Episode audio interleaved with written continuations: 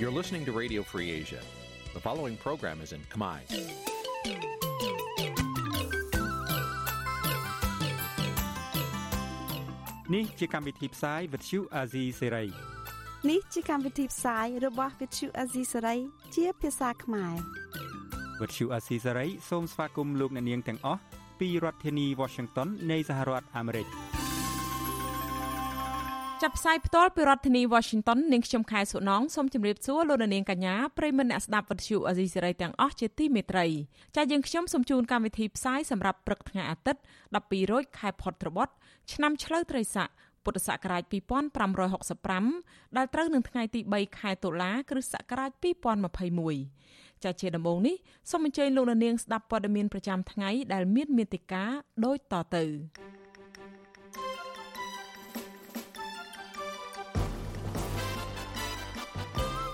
មន្ត្រីមន្ទីរការងារពិនិត្យទស្សនវិជ្ជាច្បាប់ឲ្យក្រុមហ៊ុន Casino The Century ទទួលរ៉ាប់រងដល់គ្រោះសារសពដោយជំងឺ Covid ក្រុមកម្មការសូមឲ្យរដ្ឋាភិបាលបញ្ចុះថ្លៃទឹកត្រឹម800រៀលដោយការសន្យារបស់ខ្លួនរបបក្រុងភ្នំពេញតាមធ្វើទុកបុកម្នេញលើព្រះសង្ឃដែលឈឺឆ្អាលរឿងសង្គមជាច្រើនអង្គ អ្នកជំនាញសុខភាពរិះគន់ក្រសួងសុខាភិបាលឲ្យឈប់ធ្វើតេស្តរហ័សតាមលោកនាយករដ្ឋមន្ត្រីហ៊ុនសែនចារួមនឹងព័ត៌មានផ្សេងផ្សេងមួយចំនួនទៀត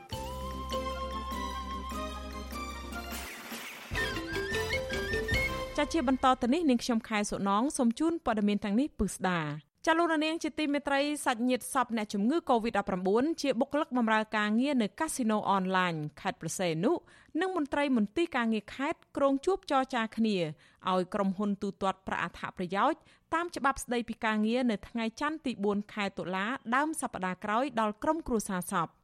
គម្រោងនេះគឺធ្វើឡើងបន្ទាប់ពីបុគ្គលិកក្រុមហ៊ុន Casino ចិនឈ្មោះ The Century បាន live វីដេអូផ្សាយផ្ទាល់នៅលើ Facebook របស់ពួកគេ ថាថៅកែមិនយកចិត្តទុកដាក់ផ្ដល់ការព្យាបាលអ្នកជំងឺដែលឆ្លងជាង400នាក់នាំឲ្យបុគ្គលិកម្នាក់ស្លាប់ហើយលួងលោមឲ្យពួកគេបន្តធ្វើការទាំងឈឺពេលមានជំងឺ Covid-19 មន្ត្រីមន្ទីរការងារខេត្តប្រស័យអនុអះអាងថាមន្ទីរការងារនឹងរកច្រកចរចាជាមួយភាគីក្រុមហ៊ុនកាស៊ីណូដើម្បីរកប្រយោជន៍ជូនដល់គ្រួសារសព ពីព្រោះករណីបុគ្គលិកស្លាប់ដោយជំងឺ Covid-19 ខុសពីករណីស្លាប់ដោយគ្រោះថ្នាក់ក្នុងការងារប្រធានមន្ទីរការងារនិងម្ដុំម្ដាលវិជ្ជាជីវៈខេត្តប្រស័យអនុលោកយៅខេមរាប្រាប់វិទ្យុអាស៊ីសេរី កាលពីថ្ងៃទី2ខែតុលាថាករណីស្លាប់ដោយជំងឺ Covid-19 នេះពុំត្រូវបានរ៉ាប់រងដោយបេឡាជាតិរបបសន្តិសុខសង្គមនោះទេប៉ុន្តែអាចមានជាជំនួយសង្គមខ្លះតាមរយៈការចរចាជាមួយភាគីក្រុមហ៊ុន និងសុំគោលការណ៍ពីស្ថាប័នពាក់ព័ន្ធពីរដ្ឋាភិបាលដូចជាក្រសួងសុខាភិបាលនិងក្រសួងសេដ្ឋកិច្ចលោកថាពិបាកដែរករណីនេះពីព្រោះទាំងអ្នកគ្រប់គ្រងក្រុមហ៊ុនកំពុងឆ្លងជំងឺ Covid-19 ទាំងអស់គ្នា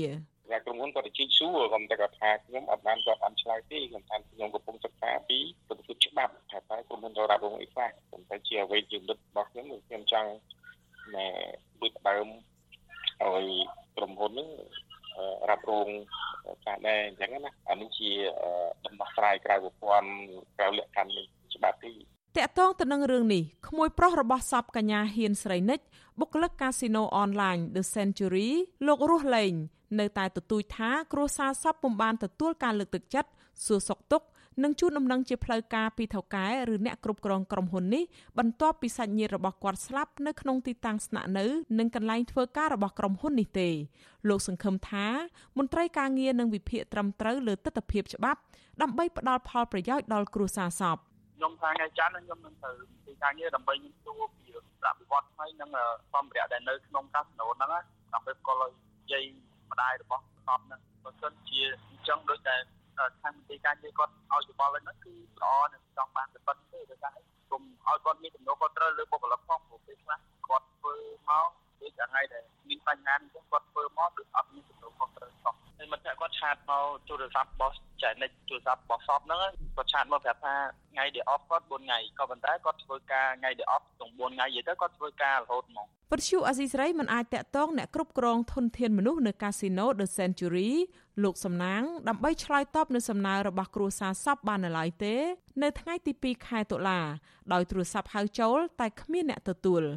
កញ្ញាហ៊ានស្រីនិចអាយុ28ឆ្នាំគឺជាបុគ្គលិកបម្រើការងារជិត2ឆ្នាំផ្នែកចែកបៀអនឡាញនៅកាស៊ីណូអនឡាញចិន The Century ខេត្តប្រស័យអនុបានរកឃើញមានជំងឺ Covid-19 កាលពីថ្ងៃទី25ខែកញ្ញានាងបានស្លាប់កាលពីថ្ងៃទី30ខែកញ្ញាអញ្ញាធរបញ្ជាក់ថា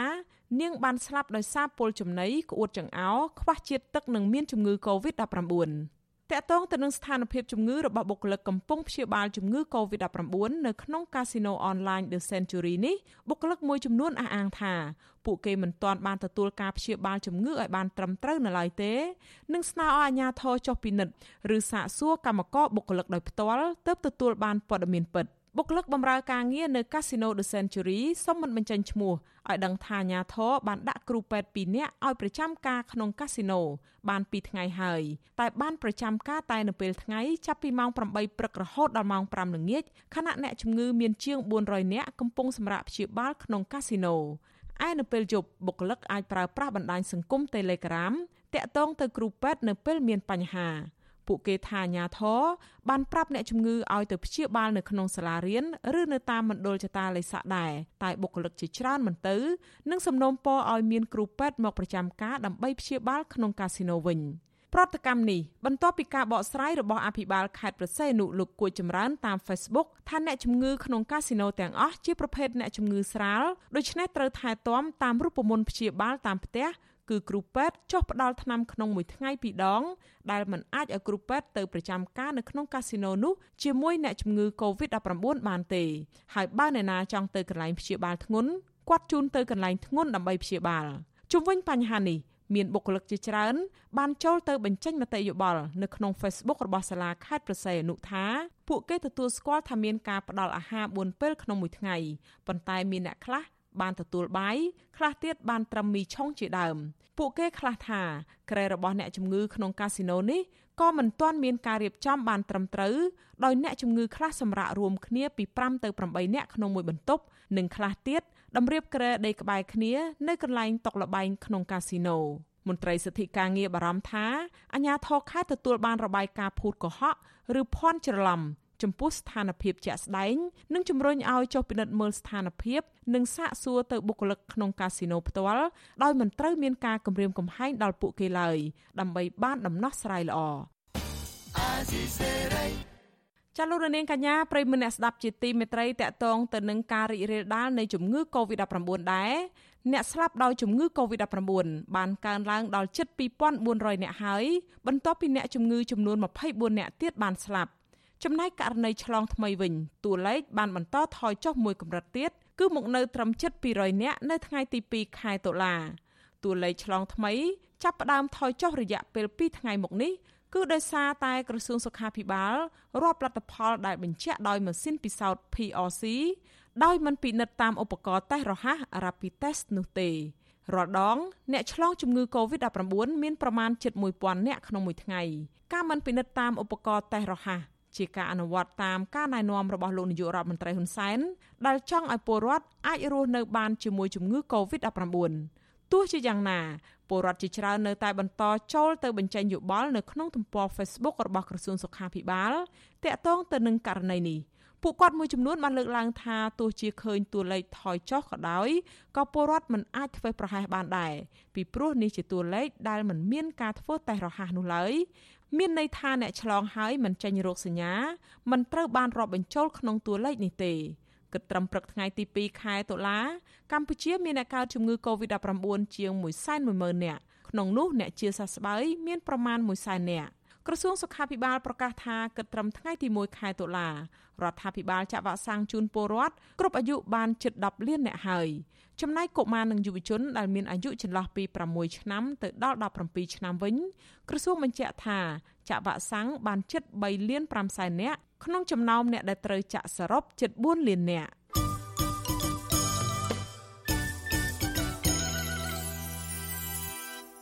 ចាលោករនាងកញ្ញាប្រិមម្នាក់ស្ដាប់ជាទីមេត្រីចតតងទៅនឹងការរីករាលដាលនៃជំងឺ Covid-19 ដែរអ្នកជំនាញផ្នែកសុខាភិបាលរិះគន់ក្រសួងសុខាភិបាលដែលឈប់ធ្វើតេស្តរហ័ស Rapid Test តាមសំណើរបស់លោកនាយករដ្ឋមន្ត្រីហ៊ុនសែនអ្នកជំនាញបញ្យល់ថាការបញ្ឈប់ដំណើរការធ្វើតេស្តរហ័សឬ Rapid Test រោគជំងឺ Covid-19 គឺធ្វើឲ្យខាតប្រយោជន៍ធំ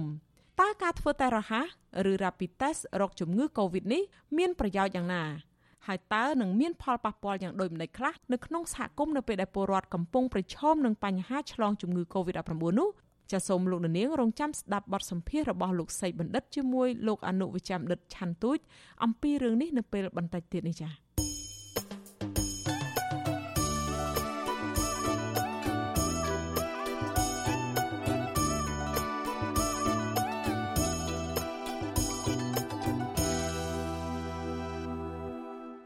ចាលោកនាងកញ្ញាប្រិមមអ្នកស្ដាប់ជាទីមេត្រីតកតងទៅនឹងស្ថានភាពកម្មករកម្មការនីក្នុងវិស័យកាត់ដេរឯនេះវិញក្រុមកម្មករចង់ឲ្យរដ្ឋាភិបាលពិនិត្យមើលឡើងវិញចំពោះសេចក្តីប្រកាសរបស់ខ្លួន ដែលថាជួយសម្រួលដល់ជីវភាពរបស់ពួកគេដែលកំពុងស្នាក់នៅក្នុងបន្ទប់ជួលឲ្យទទួលបានតម្លៃទឹកត្រឹមតែ800រៀលក្នុង1ម៉ែត្រគូបក្រុមកម្មករអះអាងថារហូតមកដល់ពេលនេះពួកគេមិនទាន់បានទទួលអត្ថប្រយោជន៍នេះនៅឡើយទេ លោកនាយករដ្ឋមន្ត្រីហ៊ុនសែនកាលពីចុងខែសីហាឆ្នាំ2017បានប្រកាសថាចាប់តាំងពីថ្ងៃទី1ខែកញ្ញាឆ្នាំ2017តទៅតម្លៃប្រើប្រាស់ទឹកសម្រាប់កម្មករនៅតាមបន្ទប់ជួលនឹងចំណាយត្រឹមតែ800រៀលប៉ុណ្ណោះក្នុង1ម៉ែត្រគូបសមាគមមណ្ឌលព័ត៌មានកម្មកររកឃើញថា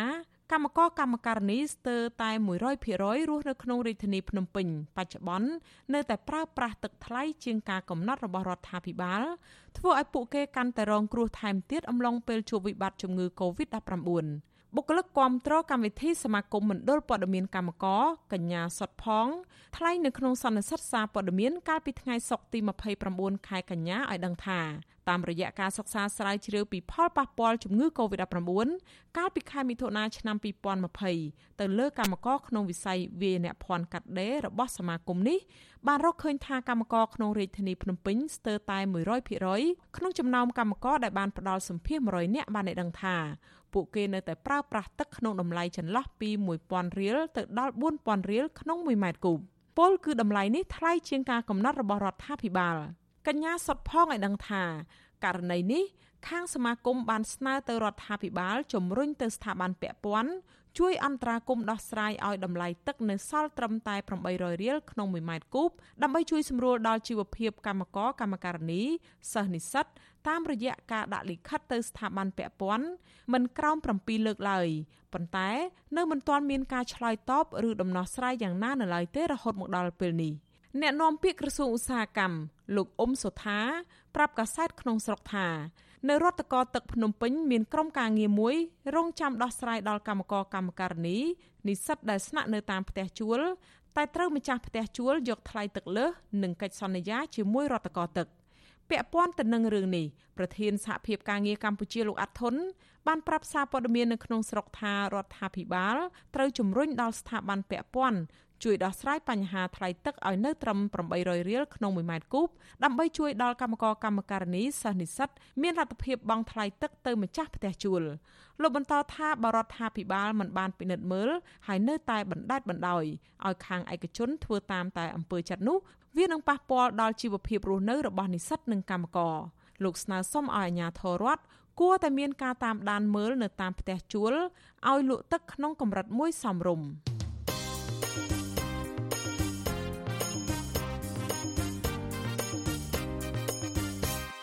ចលនានាងកញ្ញាប្រិមមអ្នកស្ដាប់ជាទីមេត្រីចលនានាងកំពុងស្ដាប់ការផ្សាយរបស់វិទ្យុអាស៊ីសេរីផ្សាយចេញពីរដ្ឋធានី Washington នៃសហរដ្ឋអាមេរិកចារឿងដាច់ដោយឡែកមួយទៀតគណៈបកនយោបាយ3កំពុងស្វែងយល់ចិត្តគ្នា ដើម្បីឈានទៅចងសម្ព័ន្ធភាពនយោបាយ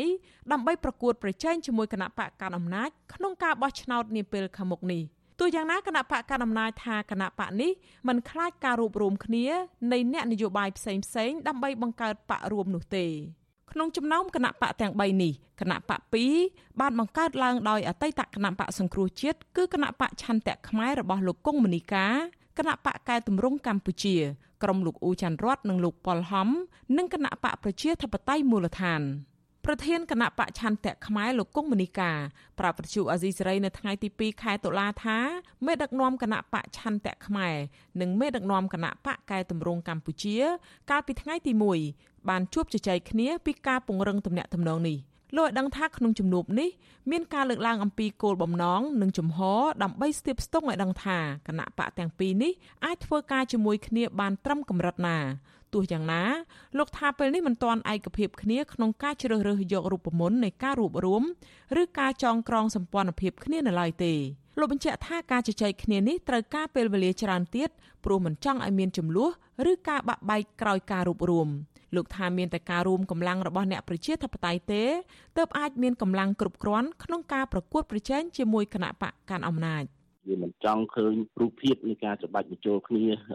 ដែលកន្លងមកយើងឃើញថាគណៈបកសង្គ្រោះជាតិមានការច្បាច់បញ្ចូលគ្នារវាងគណៈបកចិត្តនោះនិងគណៈបកសមរស៊ីអីជាដើមនោះគឺថាវាមិនវាមិនចូលសាច់គ្នាទាំងស្រុងដូច្នេះហើយយើងឃើញបទពិសោធន៍មិនល្អបែបនេះគឺថាយើងត្រូវការពេលវេលាច្រើនលោកគង់មនីកា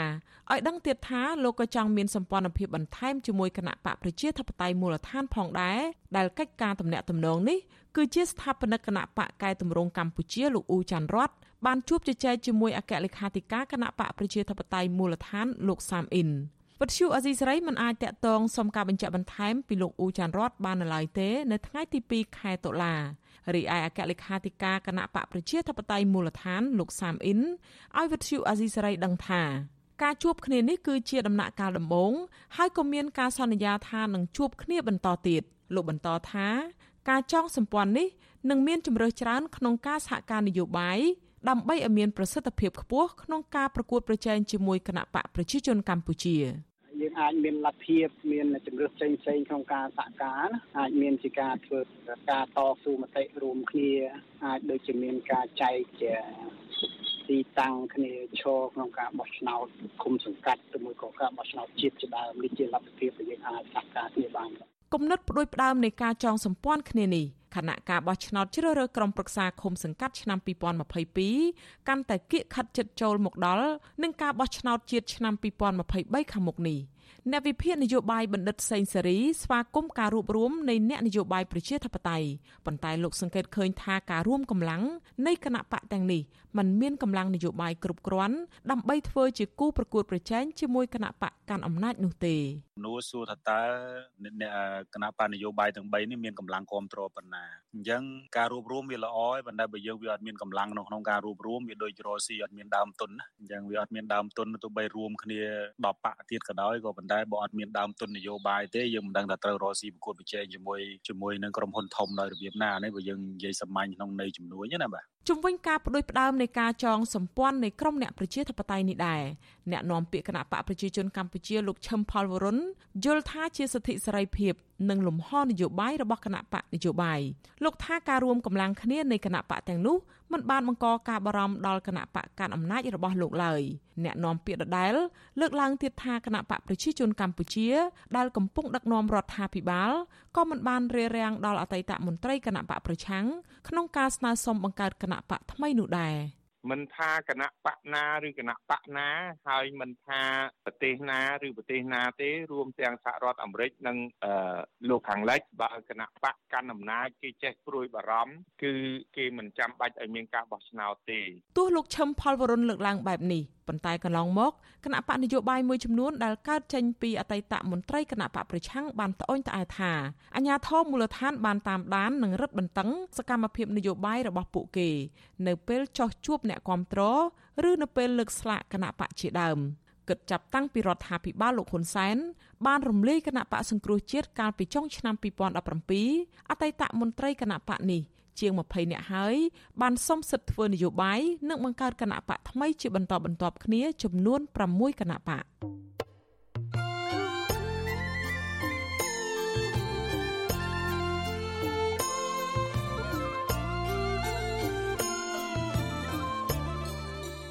ចាលោកនាងកញ្ញាប្រិយមិត្តអ្នកស្ដាប់វិទ្យុអាស៊ីសេរីទាំងអស់ជាទីមេត្រីចាវិទ្យុអាស៊ីសេរីផ្សាយតាមរយៈរលកធាតុអាកាសខ្លីឬ short wave តាមកម្រិតនិងកម្ពស់ដូចតទៅនេះ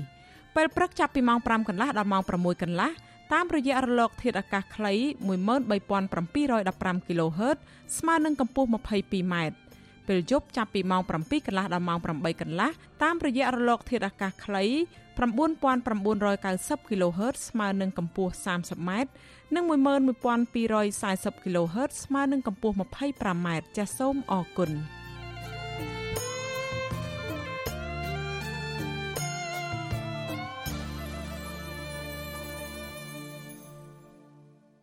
ចាលោកនាងកញ្ញាប្រិមម្នាក់ស្ដាប់ជាទីមេត្រីចាមន្ត្រីជាន់ខ្ពស់នគរបាលជាតិអះអាងថាសមត្ថកិច្ចបានដោះលែងមេឃុំជាប់ឆ្នោតគណៈបកសង្គ្រោះជាតិនៅឃុំបាត់ត្រាងស្រុកព្រៃនប់ខេត្តប្រស័យនុគឺលោកលាក់គៀនវិញហើយក្រោយពីបានចាប់ខ្លួនលោកកាលពីថ្ងៃទី29ខែកញ្ញាកន្លងទៅមន្ត្រីសិទ្ធិមនុស្សរិះគន់ចំណាត់ការរបស់អាជ្ញាធរលើមន្ត្រីគណៈបកប្រឆាំងរូបនេះថាជាការរំលោភសិទ្ធិពលរដ្ឋចាលោកសនច័ន្ទរដ្ឋារាយការណ៍ព័ត៌មាននេះ អគ្គស្នងការរនគរបាលជាតិនឹងជាប្រធានដឹកនាំការស៊ើបអង្កេតរោគអ្នកញុះញង់តវ៉ារឿងដីធ្លីទូទាំងប្រទេសលោកឌីវិជាបានប្រាប់វិទ្យុអាស៊ីសេរីនៅថ្ងៃទី2ខែតុលាថាសមាជិកខាងលោកបានបញ្ចប់ការសាកសួរហើយបានសម្រេចដោះលែងលោកលាក់គៀនឲ្យត្រឡប់ទៅផ្ទះវិញហើយលោកបញ្ជាក់ថាករណីនេះសមាជិកគ្រាន់តែអញ្ជើញគាត់មកសាកសួរហើយបំភ្លឺពាក់ព័ន្ធនឹងការប្រើប្រាស់ឯកសារមួយចំនួនតែប៉ុណ្ណោះដែលមិនបានឃុំខ្លួនឬក៏ចាប់ប្រកាន់ក៏នោះទេ មេប៉ូលីសផ្កាយ3ដែលត្រូវជាគុណប្រសារបស់លោកនាយករដ្ឋមន្ត្រីហ៊ុនសែនរំនេះបដិសេធផ្ដល់ព័ត៌មានលម្អិតអំពីករណីនេះដោយលោករញឲ្យទៅសួរអ្នកនាំពាក្យអគ្គស្នងការនគរបាលជាតិវិញយើងមានអញ្ជើញគាត់មកបំភ្លឺពាក់ព័ន្ធករណីបដងបដោផ្សេងផ្សេងហើយទាំងបោះខេតផងអញ្ចឹងព័ត៌មានអត់ហ្នឹងដូចខ្ញុំបានបញ្ជូនទៅអ្នកនាំពាក្យរបស់អគ្គស្នងការហើយតែដូចយើងបានបញ្ចប់សួរនាំគាត់ហើយយើងបញ្ជូនគាត់ទៅវិញ វិទ្យុអស៊ីសេរីមិនទាន់អាចតាក់ទងអ្នកនាំពាក្យអគ្គស្នងការនគរបាលជាតិលោកឆៃកំខឿនដើម្បីបញ្ជាក់ជុំវិញរឿងនេះបន្ថែមបានទេ នៅថ្ងៃទី2ខែតុលាដែលទូរស័ព្ទចូលតែពុំមានអ្នកទទួល។បើទោះបីជាណាបើតាមការរៀបរាប់របស់គ្រួសារលោកលាក់គៀនស្មារតីមិនមែនតែចេញគាត់នោះទេប៉ុន្តែបែរជាសម្រុកចូលចាប់ខ្លួនគាត់ទៅវិញប្រពន្ធលោកលាក់គៀនលោកស្រីអនចន្ទធូអះអាងថាស្មារតីរាប់សិបនាក់ប្រដាប់ដោយកំភ្លើង បានសម្រុកចូលចាប់ខ្លួនប្តីលោកស្រីដល់ក្នុងផ្ទះកាលពីថ្ងៃទី29ខែកញ្ញាផ្ទុយពីដីការបស់តុលាការដីការបស់តុលាការចេញដោយព្រះអាជ្ញារងអមសាលាដំបងរាជធានីភ្នំពេញលោកមុតតារាកាលពីថ្ងៃទី29ខែកញ្ញាគ្រាន់តែបញ្ជាឲ្យលោកលាក់គៀនចូលបំភ្លឺពាក់ព័ន្ធនឹងការចាប់ប្រកាន់រឿងការប្រើប្រាស់ឯកសារសាធារណៈក្លែងនិងផ្ដល់សេចក្តីប្រកាសដោយភូតកុហកឲ្យបានមុនថ្ងៃទី29ខែតុលានៅអង្គភិបជំនាញនៃអគ្គស្នងការនគរបាលជាតិ មិនមែនបញ្ជាឲ្យសមាជិកទៅចាប់ខ្លួនគាត់នោះទេជុំវិញការដោះលែងលោកលាក់គៀនវិញលោកស្រីអនចន្ទធូថ្លែងថាលោកស្រីបានទទួលដំណឹងនេះហើយប៉ុន្តែរហូតដល់រសៀលថ្ងៃទី2ខែតុលាមិនទាន់ឃើញប្តីលោកស្រីមកផ្ទះនៅឡើយទេលោកស្រីបញ្ជាក់ថាលោកស្រីនៅតែព្រួយបារម្ភអំពីប្តីជាខ្លាំងដរាបណាក៏មិនទាន់ត្រឡប់មកដល់ផ្ទះវិញដោយសុវត្ថិភាពជុំវិញរឿងនេះប្រធានសមាគមអាត6លោកនីសុខារិះគន់ការប្រើប្រាស់កម្លាំងសមត្ថកិច្ចប្រដាប់ដោយអាវុធចាប់ខ្លួនបរិវត្តករណីដេតធ្លី ដែលមន្ត្រីជំនាញមិនបានស្រាវជ្រាវឬក៏ស៊ើបអង្កេតឲ្យបានច្បាស់លាស់បែបនេះគឺមិនឆ្លុះបញ្ចាំងការអនុវត្តនីតិវិធីត្រឹមត្រូវនោះទេលោកបន្តថារឿងនេះបានធ្វើមហាជនដាក់ការសង្ស័យចំពោះចំណាក់ការនេះដោយបង្កប់ក្នុងន័យរឿងនយោបាយទៅវិញដោយសារលោកលាក់គៀនគឺជាមន្ត្រីបពប្រឆាំងហើយកន្លងមកគាត់ហាក់មិនជាប់ពាក់ព័ន្ធរឿងដីធ្លីនោះទេលោកបញ្ជាក់ថាការចាប់ខ្លួនឬការដោះលែងពលរដ្ឋវិញដោយមិនបានជូនដំណឹងគឺធ្វើប៉ះពាល់ដល់សិទ្ធិរបស់គាត់។ ក្នុងនីតិវិធីវាទល់តែមានបទល្មើសព្រហ្មទណ្ឌទើបអាចគេចាប់ខ្លួនបានឬក៏គេអាចឃុំខ្លួនបានប៉ុន្តែបើសិនជានៅក្នុងរឿងដីធ្លីរឿងអីអញ្ចឹងអានឹងវាត្រូវការឆ្លងកាត់ការស៊ើបអង្កេតរបស់តុលាការអីឲ្យបានមកចត់បាទជាជាងយើងទៅចាប់ខ្លួនគាត់មិនដែលមិនបានប្រព្រឹត្តអីនៅបទល្មើសអីអញ្ចឹងហើយយើងទៅចាប់ខ្លួនគាត់យកមកវាខុសទៅនឹងច្បាប់វាខុសទៅនឹងនីតិវិធីនឹងបាទមកទល់ពេលនេះអ ញ្ញាធររបបក្រុងភ្នំពេញបានចាប់ខ្លួនសកម្មជននយោបាយសកម្មជនសិទ្ធិមនុស្សសង្គមនិងបរិស្ថានជិត90នាក់ហើយដាក់ក្នុងពន្ធនាគារដោយភេកច្រាអញ្ញាធរជាប់ប្រកាន់ពីបទញុះញង់និងរួមគណិតក្បត់ក្រុមអង្គការសង្គមស៊ីវិលជាតិនិងអន្តរជាតិរួមទាំងក្រុមប្រទេសប្រជាធិបតេយ្យធំធំថ្កោលទោសជាបន្តបន្ទាប់ថាការចាប់ឃុំខ្លួនទៅនេះធ្វើឡើងដោយគ្មានមូលដ្ឋានច្បាប់ហើយទាមទារឲ្យរបបលោកហ៊ុនសែនដោះលែងពួកគេវិញជាបន្ទាន់ដើម្បីបញ្ជាការដាក់ទណ្ឌកម្មបន្ថែមទៀតពីសហគមន៍អន្តរជាតិ ខ្ញុំសនចាររថាវិទ្យុអេស៊ីសេរីរាយការណ៍ពីរដ្ឋធានីវ៉ាស៊ីនតោនចលនានាងកញ្ញាប្រិមមអ្នកស្ដាប់ជាទីមេត្រីចលនានាងកំពុងស្ដាប់ការផ្សាយរបស់វិទ្យុអេស៊ីសេរីផ្សាយចេញពីរដ្ឋធានី Washington នៃសហរដ្ឋអាមេរិក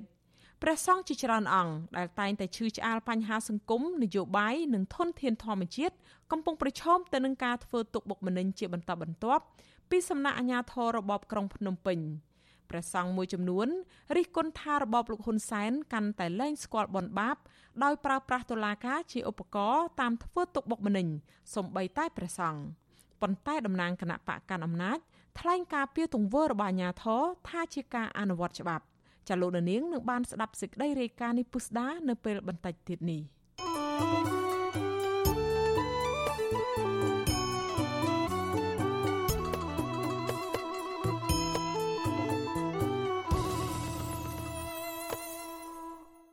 ចាលោករនាងកញ្ញាប្រិមនៈស្ដាប់ជាទីមេត្រីតកតងទៅនឹងស្ថានភាពរបស់អ្នកសារព័ត៌មានឯនេះវិញគណៈកម្មាធិការការពារអ្នកកសែតហៅកាត់ថា CPJ អំពាវនាវឲ្យរដ្ឋាភិបាលកម្ពុជាដោះលែងអ្នកសារព័ត៌មានអនឡាញកោះកុងទាន់ហេតុការឲ្យមានសេរីភាពឡើងវិញដោយគ្មានលក្ខខណ្ឌនិងបញ្ឈប់ការផ្ដន់ទោសដាក់ពន្ធនាគារដល់អ្នកកសែតការទៀមទាដោះលែងនេះ ធ្វើឡើងនៅក្នុងសេចក្តីថ្លែងការណ៍របស់គណៈកម្មាធិការការពារអ្នកកសែតហៅកាត់ថា CPJ កាលពីថ្ងៃទី1ខែតុលាបន្ទាប់ពីតុលាការខេត្តកោះកុងបានបើកសវនាការយ៉ាងប្រញាប់ប្រញាល់ដើម្បីកាត់ទោសឲ្យលោកយួនឈីវជាប់ពន្ធនាគារ1ឆ្នាំ និងផាកពិន័យជាប្រាក់ចំនួន1លានរៀលឬប្រមាណ500ដុល្លារពីបទញុះញង់ក្រោយដែលរដ្ឋមន្ត្រីក្រសួងការពារជាតិលោកទាបាញ់បានប្តឹងអ្នកសារព័ត៌មានអនឡាញរូបនេះ លោកយួនឈីវកាលពីថ្ងៃទី19ខែកញ្ញាបានបង្ហោះព័ត៌មានជុំវិញរឿងវិវាទដីធ្លីនៅស្រុកបទុមសាគររវាងអភិបាលរងខេត្តកោះកុងលោកសុកសុធីជាមួយក្រុមប្រជាពលរដ្ឋលោកយុនឈីវបានប្រាប់វិទ្យុអាស៊ីសេរីមុនចាប់ខ្លួនថាព័ត៌មានដែលលោកចុះផ្សាយនេះគឺជារឿងពិតទោះជាយ៉ាងនេះក្តីលោកបានធ្វើលិខិតសុំអភ័យទោសនិងបានលុបចោលអត្ថបទនិងវីដេអូដែលបានបង្ហោះនៅលើទំព័រ Facebook របស់លោកថែមទៀតផង។ តំណាងគណៈកម្មាធិការការពារអ្នកកសែតនៅតំបន់អាស៊ីអាគ្នេយ៍លោក Sean Crispin បញ្ជាក់នៅក្នុងសេចក្តីថ្លែងការណ៍ថាការផ្ដន់ទាទោសរបស់លោកយួនឈីវពីបទញុះញង់នេះគឺជាការរំលោភបំពានទៅលើសិទ្ធិសេរីភាពរបស់អ្នកសារព័ត៌មានរដ្ឋាភិបាលកម្ពុជាត្រូវបញ្ឈប់ការរារាំងនិងការផ្ដន់ទាទោសដល់អ្នកកសែតឯករាជ្យដែលរាយការណ៍និងចុះផ្សាយអត្ថបទនានា ពាក់ព័ន្ធទៅនឹងរឿងនេះដែរនាយករងប្រចាំតំបន់អាស៊ីនៃអង្គការឃ្លាំមើលសិទ្ធិមនុស្សអន្តរជាតិ Human Rights Watch លោក Phil Robertson ក៏បានលើកឡើងថារដ្ឋាភិបាលរបបក្រុងភ្នំពេញកំពុងប្រើប្រាស់បទចោទប្រមទ័នដែលស្ថិតក្រោមឥទ្ធិពលនយោបាយដើម្បីធ្វើទុកបុកម្នេញនិងគំរាមកំហែងដល់អ្នកសារព័ត៌មានឯករាជ្យ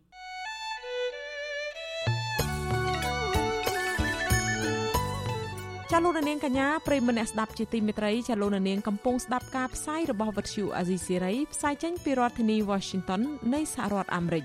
ក្រៅពីការតាមដានកម្មវិធីផ្សាយរបស់វិទ្យុអាស៊ីសេរីតាមបណ្ដាញសង្គម Facebook YouTube Telegram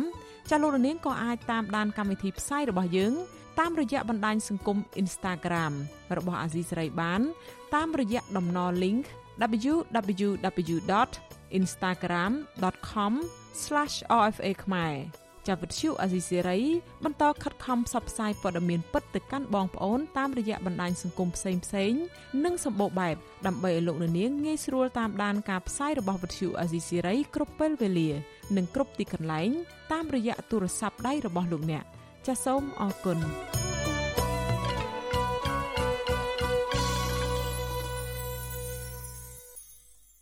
ចាលោកនាងកញ្ញាប្រិមមអ្នកស្ដាប់ជាទីមេត្រីចារឿងដាច់ដោយឡែកមួយទៀតកម្ពុជាទទូចឲ្យប្រទេសពាក់ព័ន្ធដោះស្រាយវិបត្តិសមុទ្រចិនខាងត្បូងដោយសន្តិវិធីតាមរយៈច្បាប់អន្តរជាតិឧបនាយករដ្ឋមន្ត្រីហៅណាំហុងបានសរសេរនៅក្នុងគណនី Facebook របស់លោកក្រោយពីជំនួបជាមួយឯកអគ្គរដ្ឋទូតអូស្ត្រាលីប្រចាំកម្ពុជាលោកប៉ាប់ឡូខាងកាលពីថ្ងៃទី1ខែតុលាថាលោកសង្ឃឹមថាប្រទេសមួយចំនួននៅអាស៊ាន រួមមានវៀតណាម ម៉ាឡេស៊ីប្រ៊ុយណេនិងហ្វីលីពីនអាចឈានដល់កិច្ចព្រមព្រៀងជាមួយប្រទេសចិនលើក្រមប្រតិបត្តិដើម្បីបញ្ជៀសចំនួនទៅថ្ងៃអនាគត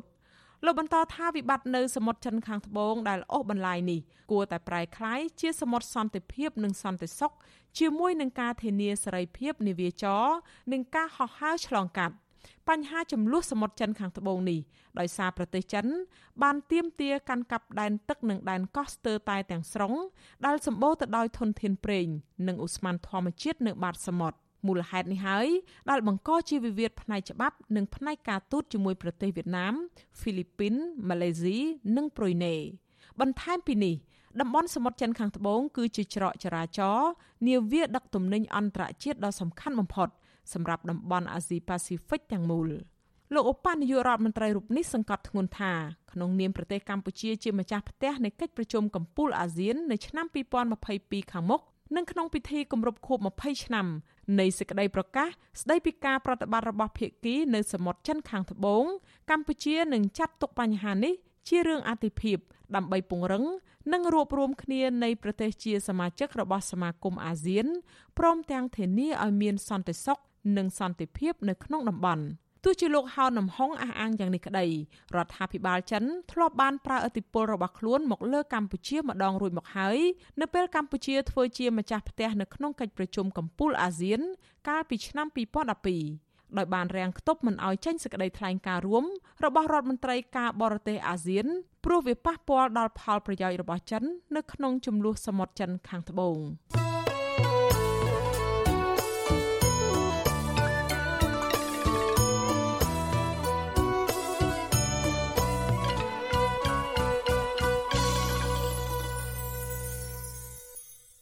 ចាលោកនាងកញ្ញាប្រិមមអ្នកស្ដាប់ជាទីមេត្រីចាងាកទៅសេចក្តីរាយការណ៍ពីខេត្តបន្ទាយមានជ័យឯនោះវិញ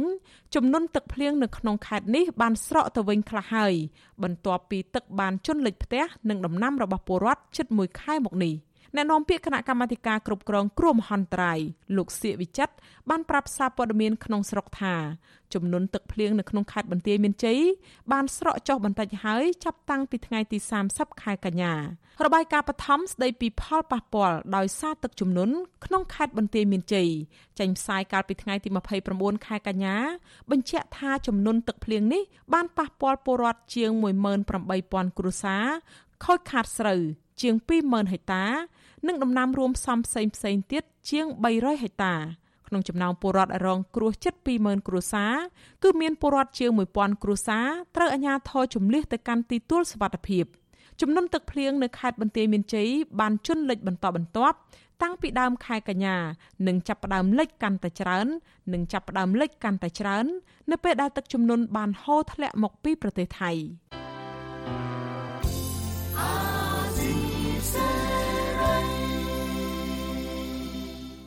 ចាលោករនាងកញ្ញាប្រិមមអ្នកស្ដាប់ជាទីមេត្រីចាតកតងទៅនឹងរឿងវត្ថុបុរាណខ្មែរឯនេះវិញចាវត្ថុបុរាណខ្មែរចំនួនជាង100រូបដែលធ្វើឡើងពីថ្មនិងសំរឹទ្ធនឹងត្រូវបញ្ជូនត្រឡប់ពីប្រទេសអង់គ្លេសមកកម្ពុជាវិញ បន្ទាប់ពីរដ្ឋាភិបាលកម្ពុជា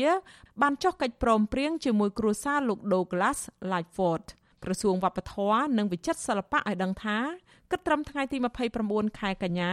វត្ថុបុរាណខ្មែរចំនួន5រូប បានមកដល់កម្ពុជាហើយចំណែកវត្ថុបុរាណផ្សេងទៀតនឹងមកដល់កម្ពុជាជាបន្តបន្ទាប់វត្ថុបុរាណទាំង5រូបនោះរួមមានរូបសិវៈស្កន្ទរូបកន្សៃទូកទម្រង់ក្បាលគ្រុឌរូបព្រះអដ្ឋរនារីស្វរៈរូបព្រះនាងប្រាជ្ញាបារមី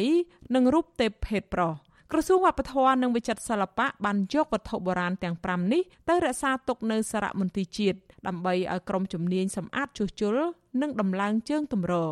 ក្រសួងនឹងរៀបចំពិធីប្រគល់និងទទួលជាផ្លូវការនៅពេលវេលាណាមួយតាមការសម្រេចរបស់រដ្ឋាភិបាល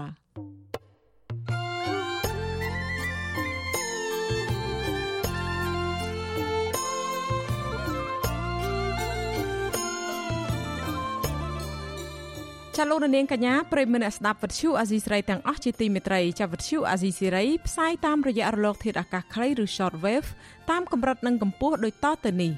ពេលព្រឹកចាប់ពីម៉ោង5កន្លះដល់ម៉ោង6កន្លះតាមរយៈរលកធាតុអាកាសខ្លី13715 kHz ស្មើនឹងកម្ពស់ 22m ពេលយប់ចាប់ពីម៉ោង7កន្លះដល់ម៉ោង8កន្លះតាមរយៈរលកធាតុអាកាសខ្លី9990 kHz ស្មើនឹងកម្ពស់ 30m និង11240 kHz ស្មើនឹងកម្ពស់ 25m ចាសសូមអរគុណ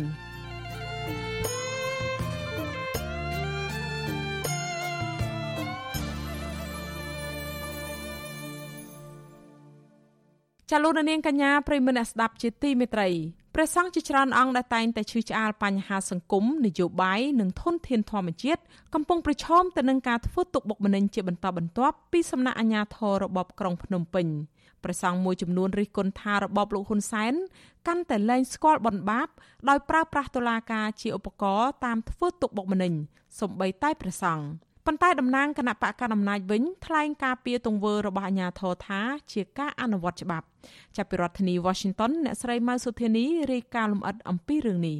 រដ្ឋាភិបាលលោកហ៊ុនសែនហាក់មិនបានបន្ធូរដៃក្នុងការបង្ក្រាបលើសិទ្ធិសេរីភាពរបស់ប្រជាពលរដ្ឋនោះទេចាអ្នកណាក៏ដោយឲ្យតែហ៊ានបញ្ចេញមតិរិះគន់មិនថាជាខ្សែស្រឡាយរាជវង្ស បបញ្ញវន្តសកម្មជននយោបាយសកម្មជន សង្គមស៊ីវិលប្រជាប្រដ្ឋសាមញ្ញនិងរហូតដល់ប្រសង់ផង តែងតែទទួលរងការធ្វើទុកបុកម្នេញគ្រប់បែបយ៉ាង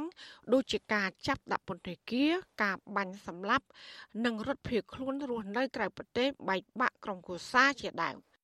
ចាស់ជាក់ស្ដែងមួយរយៈចុងក្រោយនេះអាជ្ញាធរនិងតុលាការរបបក្រុងភ្នំពេញ បានចេញដោយការតាមចាប់ប្រសង់ជាច្រើនអង្គដាក់ពន្ធនាគារដោយសារព្រះភិក្ខុសង្ឃទាំងនោះចូលរួមឈឺឆ្អាលបញ្ហាសង្គមនយោបាយនិងធនធានធម្មជាតិ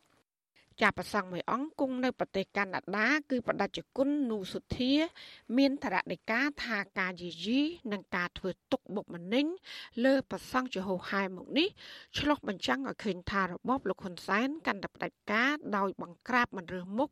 ចំពោះអ្នកណាដែលចង់ឲ្យសង្គមកម្ពុជា មានលទ្ធិប្រជាធិបតេយ្យនិងការគោរពសិទ្ធិមនុស្ស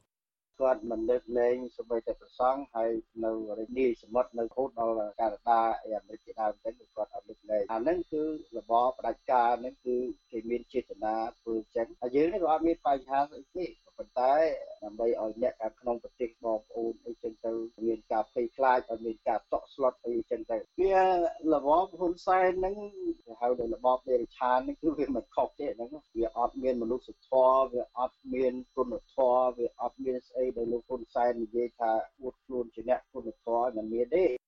ចាព្រះភិក្ខុនុសុធាទៅត្រូវបានតឡាការផ្ដន្ទាទោសកម្បាំងមុខ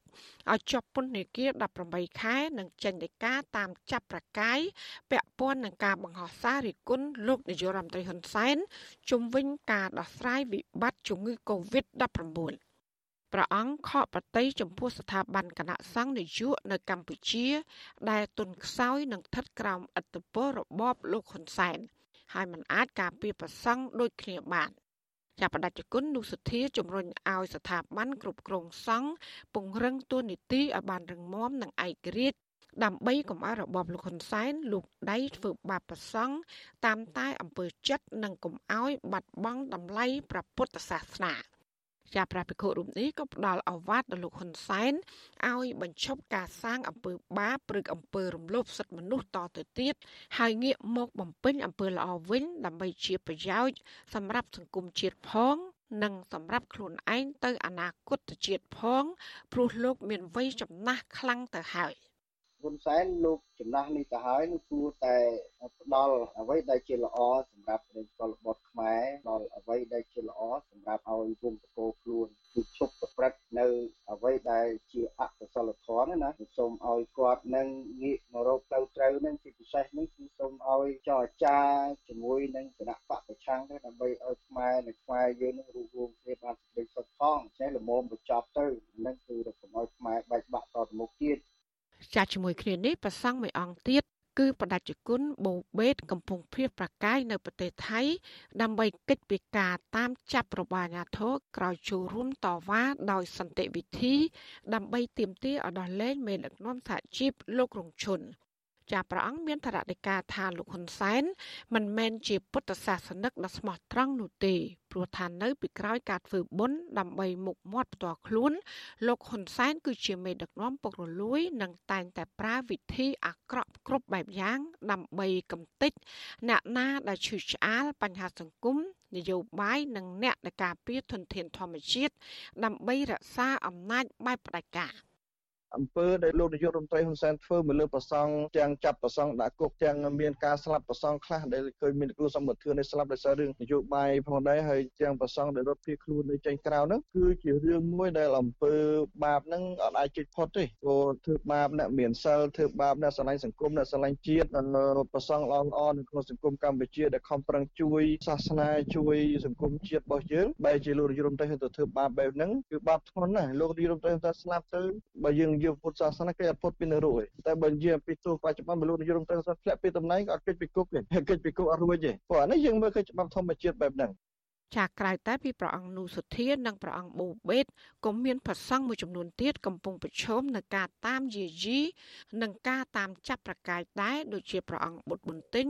ព្រះអង្គលួនសវ៉ាតនិងព្រះអង្គសឹមសវណ្ឌីជាដើម ចំណែកសង្ឃមួយចំនួនទៀតដែលមិនបានភៀសប្រកាយទៅក្រៅប្រទេសនោះអាជ្ញាធររបបក្រុងភ្នំពេញបានចាប់សឹកនិងបញ្ជូនទៅឃុំខ្លួនក្នុងពន្ធនាគារប្រៃសណរួមមានព្រះភិក្ខុកាតសារាយពាក់ព័ន្ធនឹងគម្រោងរៀបចំការតវ៉ានៅទីលានប្រជាធិបតេយ្យដើម្បីទាមទារយុត្តិធម៌សង្គមនិងប្រសង់ខ្មែរក្រោមព្រះភិក្ខុប៉ាងសូដាពាក់ព័ន្ធនឹងការចោទថាបានរារាំងវិធានការបង្ការជំងឺ Covid-19 ចាប្រសង់ទាំងនេះបានចូលរួមយ៉ាងសកម្មក្នុងកិច្ចការងារសង្គមការពារសិទ្ធិមនុស្សអំពើមនុស្សធម៌និងការពារធនធានធម្មជាតិជាដើមកិច្ចខំប្រឹងប្រែងរបស់ប្រសង់មួយចំនួនដូចជាព្រះអង្គបុត្របន្ទិញនិងព្រះអង្គលួនសវັດជាដើមត្រូវបានគេទទួលស្គាល់ជាអន្តរជាតិនិងទទួលបានពានរង្វាន់ទៀតផង ចាទោះបីជាយ៉ាងនេះក្តីព្រះអង្គនៅតែខ្លាចជាគោលដៅនៃការគម្រាមកំហែងការធ្វើទុកបុកម្នេញនិងបង្ខូចកេរ្តិ៍ឈ្មោះដដែលចាជុំវិញរឿងនេះអ្នកនាំពាក្យគណៈបកប្រជាជនកម្ពុជាលោកសុកអេសានឆ្លើយតបថាចំណាត់ការរបស់សមត្ថកិច្ចនិងតុលាការកន្លងមកនេះគឺជាការអនុវត្តច្បាប់មិនមែនជាការធ្វើទុកបុកម្នេញឬក៏ការរំលោភសិទ្ធិមនុស្សដូចជាការចោទប្រកាន់នោះឡើយ។ ចាលោកអះអាងថាប៉ះសិនបើប្រសង់និងប្រជាប្រដ្ឋមួយចំនួន ប្រើប្រាស់សិទ្ធិសេរីភាព ក្នុងការបញ្ចេញមតិមិនលើសពីព្រំដែនកំណត់នៃច្បាប់ គឺมันមានបញ្ហាដល់ខ្លួនឡើយ។ ចឹងបើសង្គមប្រជាធិបតេយ្យមានមតិផ្ទុយបើមានមតិផ្ទុយអានឹងគឺតែជាសិទ្ធិសេរីភាពក្នុងការបញ្ចេញមតិក៏ប៉ុន្តែការបញ្ចេញមតិវាត្រូវមានការទទួលខុសត្រូវបើបញ្ចេញមតិរំលោភបំពានលើកិត្តិយសសេចក្តីថ្លៃថ្នូរដល់អ្នកដទៃឬមួយក៏ការបញ្ចេញមតិវាប៉ះពាល់ដល់សន្តិភាពសាធារណៈសង្គមនិងសន្តិសុខជាតិអានឹងគឺមិនមែនជាសិទ្ធិបញ្ចេញមតិទេអានឹងវាមានច្បាស់ហើយនៅក្នុងមាត្រា31មាត្រា41ជំពូកទី3នៃរដ្ឋធម្មនុញ្ញប្រជាណាចក្រកម្ពុជាចាប់ផ្ទុយពីការលើកឡើងនេះមន្ត្រីសិទ្ធិមនុស្សមើលឃើញថាសកម្មភាពនិងការបញ្ចេញមតិរបស់ប្រសង់ទាំងនេះគឺស្ថិតក្នុងក្របខ័ណ្ឌនៃច្បាប់ជាតិនិងអន្តរជាតិហើយដែលមិនគួរទទួលរងការផ្ដន្ទាទោសនោះឡើយចាអ្នកនាំពាក្យសមាគមការពារសិទ្ធិមនុស្សអាត់ហុកលោកសឹងសានករណាថ្លែងថាប្រសង់ ក៏ជាប្រជាពលរដ្ឋហើយមានសិទ្ធិចូលរួមយ៉ាងសកម្មក្នុងកិច្ចការងារសង្គមនយោបាយសេដ្ឋកិច្ចនិងវប្បធម៌ស្របតាមរដ្ឋធម្មនុញ្ញលោកបន្តថាការអនុវត្តច្បាប់ទៅលើប្រសង់ដែលអនុវត្តសិទ្ធិសេរីភាពជាមូលដ្ឋានទាំងនេះគឺជាការធ្វើទុកបុកម្នេញ។ ខ្ញុំយល់ថាក្នុងការដែលប្រើប្រាស់ច្បាប់នៅចាត់វិធានការទៅលើក្រមសកម្មជនសង្ឃក្តីសកម្មជនសង្គមឬក៏សកម្មជននយោបាយទាំងអស់នឹងក្តីវាជាវិធានការមួយធ្វើទុកបុកម្នេញទៅលើអ្នកទាំងអស់នឹងមិនមែនជាការអនុវត្តច្បាប់អ្វីនោះទេពីព្រោះការអនុវត្តច្បាប់ទាំងអស់នេះវាមិនសមស្របជាមួយនឹងការប្រើប្រាស់នៅសិទ្ធិដែលជាពលរដ្ឋរស់នៅក្នុងសង្គមលទ្ធិប្រជាធិបតេយ្យទេហើយប្រើប្រាស់ច្បាប់ដោយមិនត្រឹមត្រូវបែបហ្នឹងហើយដែលយើងឃើញតែរងការរិះគន់រងការដាក់សម្ពាធនានាពីខាងសហគមន៍អន្តរជាតិនាពេលកន្លងមកក៏ដូចជាថ្មីថ្មីនឹងដែរបាទជាប្រសង់និងមន្ត្រីសិទ្ធិមនុស្សអំពាវនាវឲ្យរដ្ឋាភិបាលលោកហ៊ុនសែនលុបចោលការចាត់ប្រកាន់មិនត្រឹមត្រូវហើយដោះលែងប្រសង់ដែលកំពុងជាប់ឃុំឲ្យមានត្រីភាពឡើងវិញមន្ត្រីសិទ្ធិមនុស្សយល់ថាការចាប់និងការចោទប្រកាន់ទៅលើប្រសង់ដែលគួរឲ្យគ្រប់ទាំងនេះគឺគ្មានផលចំណេញអ្វីឡើយ ពលគឺកាន់តែធ្វើឲ្យប្រជាប្រដ្ឋបាត់បង់នៅការជឿទុកចិត្តទៅលើប្រព័ន្ធយុត្តិធម៌ចាននាងខ្ញុំម៉ៅសុធានីវិទ្យុអាស៊ីស្រីប្រធានាធិបតី Washington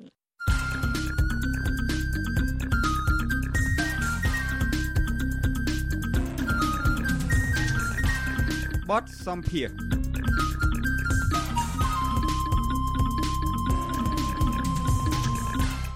ចាលោកនាងកញ្ញាប្រិមមអ្នកស្ដាប់ជាទីមេត្រីអ្នកជំនាញផ្នែកសុខាភិបាលរិះគន់ក្រសួងសុខាភិបាល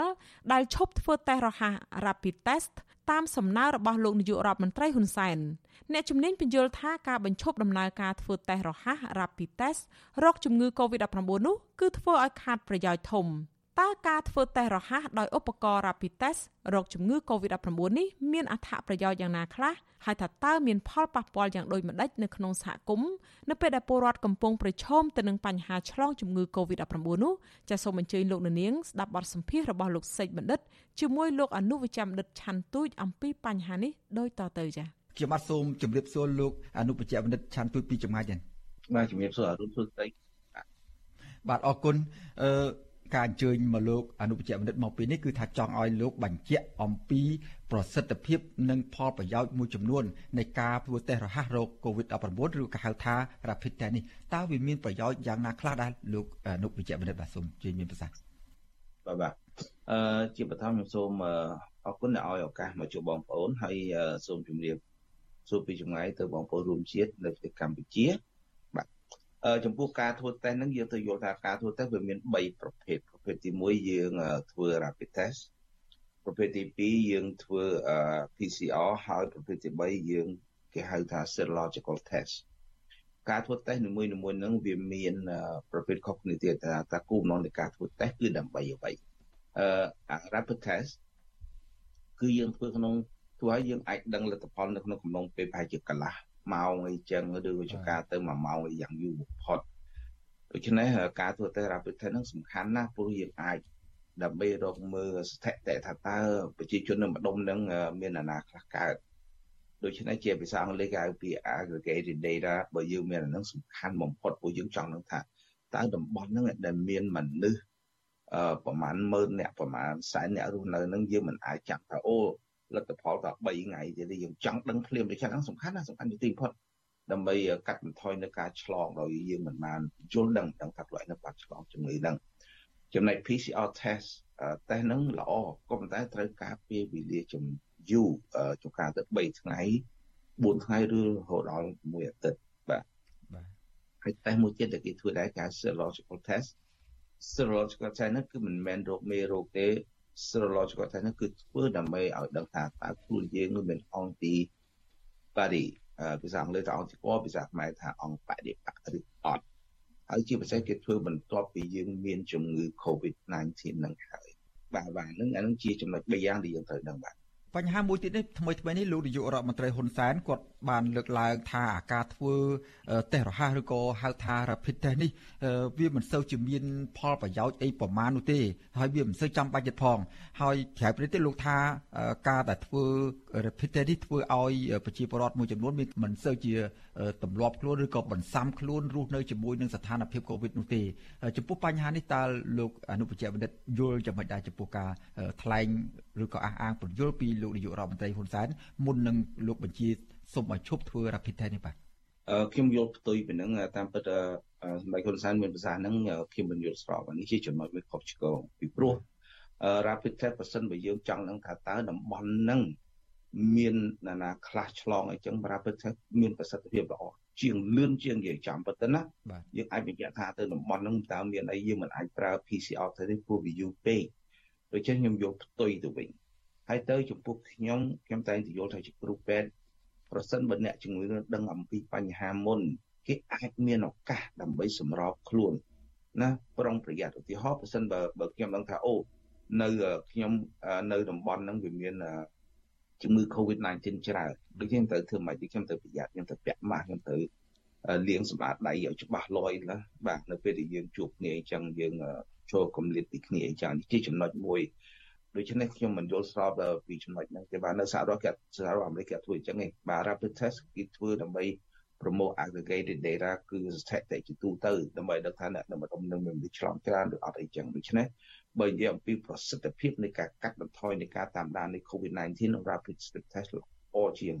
បញ្ហាមួយទៀត ខ្ញុំសូមលើកយកទស្សនៈរបស់ប្រជាពលរដ្ឋដែលតាមដានឃ្លាំមើលបញ្ហាសង្គមនិងអ្នកវិភាគបញ្ហាសង្គមមួយចំនួនក៏លើកឡើងថាការដែលប្រកាសឲ្យឈប់ធ្វើតេស្តរហ័សនេះវាមានបញ្ហាមួយចំនួនក្រៅពីបញ្ហាសុខភាពការឆ្លងជំងឺ Covid-19 ឬមួយក៏ថាប្រជាពលរដ្ឋមិនអាចរស់ផ្សំជាមួយនឹងរស់សាំបានទៅនឹងស្ថានភាពជំងឺ Covid-19 នេះក៏ប៉ុន្តែប្រជាពលរដ្ឋមួយចំនួននិងអ្នកវិភាគសង្គមដែលតាមដានមើលស្ថានភាពនេះថាទំនងជាបញ្ហានេះពាក់ព័ន្ធនឹងបញ្ហានយោបាយច្រើនជាង ពាក់ព័ន្ធបញ្ហានយោបាយនោះវាយ៉ាងម៉េចទំនោរជាលោកនាយករដ្ឋមន្ត្រីហ៊ុនសែនមានពាក់ព័ន្ធនឹងថាខំទិញវ៉ាក់សាំងពីចិនអស់មួយសន្ធឹកនៅតែមិនអាចទប់ស្កាត់ជំងឺ Covid-19 កុំឲ្យរីករាលដាលបានទៀតឬមួយអាចមានន័យថាឲ្យមានការភ័ន្តច្រឡំឬមួយក៏ឲ្យប្រជាពលរដ្ឋសាធារណជនផ្សេងផ្សេងគេមើលមកថាវ៉ាក់សាំងចិននោះពុំមានប្រសិទ្ធភាពខ្ពស់ក្នុងការទប់ជំងឺ Covid-19 នេះទេចំពោះបញ្ហានេះហើយដែលលោក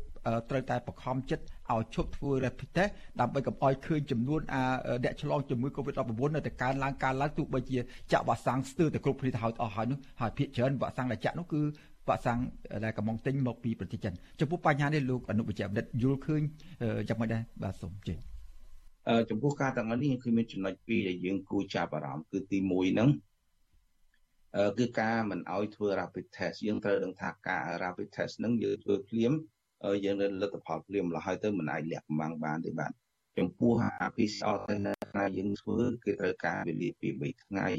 ហើយយើងត្រូវទទួលស្គាល់ថាវិស័យសុខាភិបាលទៅកម្ពុជានោះគឺស្ថិតនៅក្រោមការគ្រប់គ្រងរបស់នាយករដ្ឋមន្ត្រីគាត់មានប្រសាសន៍ថាម៉េចអានឹងទៅអញ្ចឹងហើយដូច្នេះបើគាត់ចង់កាត់បន្ថយនឹងយកចំនួនចំណុចពីរយ៉ាងហ្នឹងគឺតាក់ទងនឹងនយោបាយការរឿងចំណុចតវិការយ៉ាងច្រើនទៅទិញវ៉ាក់សាំងពីប្រទេសចិនដែលគ្មានគុណភាពហ្នឹង អានេះជារឿងមួយណាដូច្នេះចង់ឲ្យបបបង្ហាញគេថាអូយការចាក់ឋានមានប្រសិទ្ធភាពដូច្នេះប្រសិនបើយើងធ្វើ PCR test យើងអាចលាក់កំបាំងបានព្រោះអានោះទៅផ្ញើទៅកន្លែងទៅពេទ្យកែច្នៃជាស្ថិតិជាជា data អីនឹងចឹងបានដូច្នេះអានេះជាចំណុចទី1ចំណុចទី2យើងត្រូវដឹងថានៅសហរដ្ឋនៅក្នុងទូទាំងពិភពលោកនាពេលបច្ចុប្បន្ននេះអឺថ្នាំដែលគេទទួលស្គាល់គឺមាន3ប្រភេទគឺមាន Pfizer, Moderna ហើយនិង Johnson Johnson បាទអានឹងអានឹងជាជាថ្នាំវ៉ាក់សាំង3ប្រភេទដែលនៅសហរដ្ឋអាមេរិកហើយមានប្រសិទ្ធភាពច្រើនអ្វីដែលខ្ញុំព្រួយបារម្ភចេះយើងយើងចាក់ថ្នាំនៅថាអូនៅប្រទេសកម្ពុជាយើងបានចាក់ថ្នាំសឹងគ្រប់ហើយក៏ប៉ុន្តែយើងត្រូវយល់ថា Sinopharm Sinovac គឺគ្មានប្រសិទ្ធភាពទេមានក៏តែតែបាទមូលហេតុហ្នឹងការចំណាយថវិកាទៅទិញថ្នាំពីប្រទេសចិនហ្នឹងគឺជាការបំផ្លាញថវិកាទៅវិញទីជាការពិតបាទ ដូច្នេះអ្វីដែលសំខាន់ហ្នឹងខ្ញុំរំពឹងថាវិជ្ជាបណ្ឌិតទាំងឡាយអ្នកស្រាវជ្រាវដែលមានចំណេះវិជ្ជាខ្ពស់ពោះផ្នែកវិស័យសុខាភិបាលហ្នឹងធ្វើការពិចារណាឲ្យម៉ត់ចត់កុំយកសម្ដីនាយករដ្ឋមន្ត្រីដែលគ្មានបទពិសោធន៍ក្នុងវិស័យសុខាភិបាលហ្នឹងមកប្រើវិញវាជាកំហុសមួយធ្ងន់ហើយបណ្ដាលឲ្យគ្រោះថ្នាក់ដល់បងប្អូនយើងទីបំផុតទៅយើងនឹងដូចគេយកទៅធ្វើពិសោធន៍ចឹងបាទចិនគេមិនបាច់យកជនជាតិគេទេបញ្ជូនមកស្រុកខ្មែរទៅចាក់ឲ្យទៅពី ប៉ុន្តែគេយក data នឹងមើលថាតើយើងទស្សនៈយ៉ាងម៉េចពីចាក់លេខគ្នាចំពោះប្រព័ន្ធឥឡូវនេះបន្ទាប់ពីលោកនាយករដ្ឋមន្ត្រីបញ្ជាឈប់ឲ្យធ្វើ rapid test នេះឃើញថាចំនួនផ្លូវការដែលប្រកាសដោយក្រសួងសុខាភិបាលនៃការឆ្លងរាលដាលជំងឺ Covid-19 មានការថយចុះចំនួនការថយចុះនេះនឹងធ្វើឲ្យមានផលវិបាកទៅវិញទេនៅក្នុងយុទ្ធនាការការពារជំងឺ Covid-19 មួយវិញទៀតចំណុចទី2នោះចង់ជំរាបសួរដែរថាតើនៅពេលដែលប្រជាពលរដ្ឋ នៅតាមជនបទនៅតាមសហគមន៍គាត់ក្រីក្រពុំមានលទ្ធភាពទៅរកសេវាព្យាបាលជំងឺទៅរកសេវាពិនិត្យរោគជំងឺ Covid-19 នៅតាមមន្ទីរពេទ្យរដ្ឋឬក៏មន្ទីរពេទ្យឯកជននោះហើយក៏អត់មានអាចមានធ្វើមានគេជួយធ្វើ rapid test ឲ្យគាត់នោះតើបញ្ហានេះវានឹងធ្វើឲ្យស្ថានភាពការឆ្លងរីករាលដាលនៃជំងឺ Covid-19 នៅក្នុងសហគមន៍នោះកាន់តែជួបផលវិបាកយ៉ាងម៉េចខ្លះចំពោះស្ថានភាពបែបនេះបាទអឺ នេះមិនមែនជាចំណុចវិជ្ជមានទេខ្ញុំយល់ថាជាចំណុចអវិជ្ជមានទៅវិញទេព្រោះយើងមិនបានដឹកពិតប្រកបថានរណាខ្លះដែលមានការឆ្លង COVID-19 នឹងហើយ PCR test ធ្វើនឹងទំមបានទៅដល់ពេទ្យអីជាការ3ថ្ងៃទៅមួយអាទិត្យអីចឹងហើយវាមានការលួចការលុបបំបាត់លទ្ធផលនៃនៃនៃជំងឺនឹងដូច្នេះនេះជាចំណុចមួយដ៏គួរព្រួយបារម្ភ ចំណុចទី2ដែលយើងនិយាយពីថាបងប្អូនយើងនៅជនបទចឹងតើយើងត្រូវធ្វើមិនអីចឹងចំពោះខ្ញុំ rapid test គឺល្អចំពោះអ្នកនៅតាមជនបទហ្នឹងព្រោះដូចហើយណាស់ក៏យើងនឹងថាអ្នកបាត់ដុំកន្លែងនេះវាមានអ្នកកើតជំងឺនឹងដូច្នេះយើងអាចមានឱកាសដើម្បីឲ្យគម្លាតពីគ្នាការពារខ្លួនប្រយ័ត្នអីចឹងទៅដូច្នេះយ៉ាងណាក្តីខ្ញុំជំទាស់អំពីការលុបបំបាត់ rapid test ហ្នឹង អឺព្រោះវាជាចំណុចមួយសំខាន់ដែលយើងត្រូវធ្វើជាពិសេសក្នុងកលៈទេសៈនេះដែលយើងក៏ចង់កាត់បន្ថយនៃការរាតត្បាតនៃជំងឺ COVID-19 PCR test ល្អមិនថាมันល្អទេក៏ប៉ុន្តែសំខាន់បំផុតគឺសម្រាប់ចំពោះការធ្វើដំណើរឲ្យឆ្ងាយឆ្ងាយទេដែលដើម្បីបញ្ជាក់ថាយើងនឹងអត់មានមេរោគសោះហ្មងដូចខ្ញុំជំរាបបងប្អូនអញ្ចឹងគឺថាយើងត្រូវប្រុងប្រយ័ត្នជានិច្ចណាធ្វើបើតែមានការលុបបំបាត់ rapid test ក៏ដោយ ដូច្នេះកាត់បន្ថយការជួបជុំគ្នាការនៅវត្តអីចឹងក៏យើងកាត់បន្ថយដែររងចាំរងចាំរហូតដល់ជំងឺនឹងជាសះស្បើយសម្រួលគ្នាហើយការឈោគកម្រិតឆ្ងាយពីគ្នាការលាងសម្អាតដៃការពាក់ម៉ាស់ហ្នឹងគឺជាចំណុចវិជ្ជមានទាំងអស់ស្វ័យគាត់តែវាមិនអាចការពារជំងឺ Covid 100%ក្រោយក៏វាអាចកាត់បន្ថយនៃការចម្លងទៅវិញទៅមកដែរ បាទសូមអរគុណច្រើនលោកអនុវិជ្ជបណ្ឌិតឆាន់ទូចដែលបានចំណាយពេលវេលាដ៏មានតម្លៃចូលរួមផ្ដល់បទសម្ភាសន៍និងបញ្យលយ៉ាងក្បោះក្បាយអំពីការឆ្លងនៃជំងឺ Covid-19 និងវិធីការពារនិងផលពិបាកនៃការបញ្ឈប់ធ្វើតេស្តរហ័សរោគជំងឺ Covid-19 នោះបាទសូមអរគុណយើងជម្រាបលាលោកអនុវិជ្ជបណ្ឌិតតែប៉ុណ្្នេះសិនបាទបាទបាទពិតមែនទេ ចាលោកនាងកញ្ញាប្រិមមអ្នកស្ដាប់ជាទីមេត្រីចាំបាញ់មិញនេះលោកនាងទៅតែបានស្ដាប់បទសម្ភាសន៍រវាងលោកសេចបណ្ឌិតជាមួយលោកអនុវិជ្ជបណ្ឌិតឆាន់ទូចអំពីអត្ថប្រយោជន៍នៃការធ្វើតេស្តដោយឧបករណ៍ Rapid Test ហើយនឹងផលប៉ះពាល់នៅពេលដែលបញ្ឈប់ការប្រើប្រាស់ឧបករណ៍តេស្តនេះ។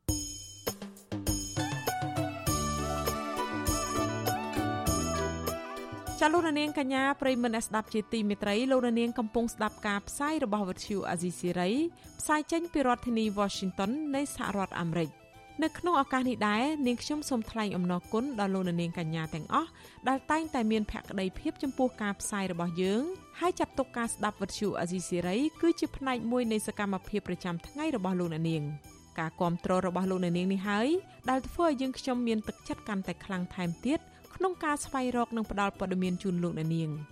មានអ្នកស្ដាប់អ្នកទស្សនាកាន់តែច្រើនកាន់តែធ្វើឲ្យយើងខ្ញុំមានភាពស្វាហាប់មោះមុតជាបន្តទៀតចាយើងខ្ញុំសូមអរគុណទុកជាមុនហើយសូមអញ្ជើញលោកអ្នកនាងកញ្ញាចូលរួមជំរុញឲ្យសកម្មភាពផ្តល់ព័ត៌មានរបស់យើងកាន់តែជោគជ័យបន្ថែមទៀតចាសូមលោកអ្នកនាង ជួយយើងខ្ញុំដល់គ្រាន់តែចុចចែករំលែកឬ share ការផ្សាយរបស់យើងនៅលើបណ្ដាញសង្គម Facebook និង YouTube ទៅកាន់មិត្តភ័ក្តិរបស់លោកអ្នក ដើម្បីឲ្យការផ្សាយរបស់យើង បានទៅដល់មនុស្សកាន់តែច្រើន ចាសសូមអរគុណ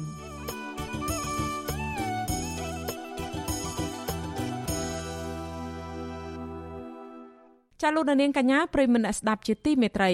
ការផ្សាយរយៈពេល1ម៉ោងមកនេះបានឈានមកដល់ទីបញ្ចប់ហើយចានាងខ្ញុំខែសុណងសូមជូនពរដល់លោកនាងកញ្ញាព្រមទាំងក្រុមគ្រួសារទាំងអស់ឲ្យជួបប្រកបតែនឹងសេចក្តីសុខចម្រើនរុងរឿងកុំបីឃ្លៀងឃ្លាតឡើយចាសម្រាប់ពេលនេះនាងខ្ញុំខែសុណងព្រមទាំងក្រុមការងារនៃវិទ្យុអាស៊ីសេរីសូមអរគុណនិងសូមជម្រាបលា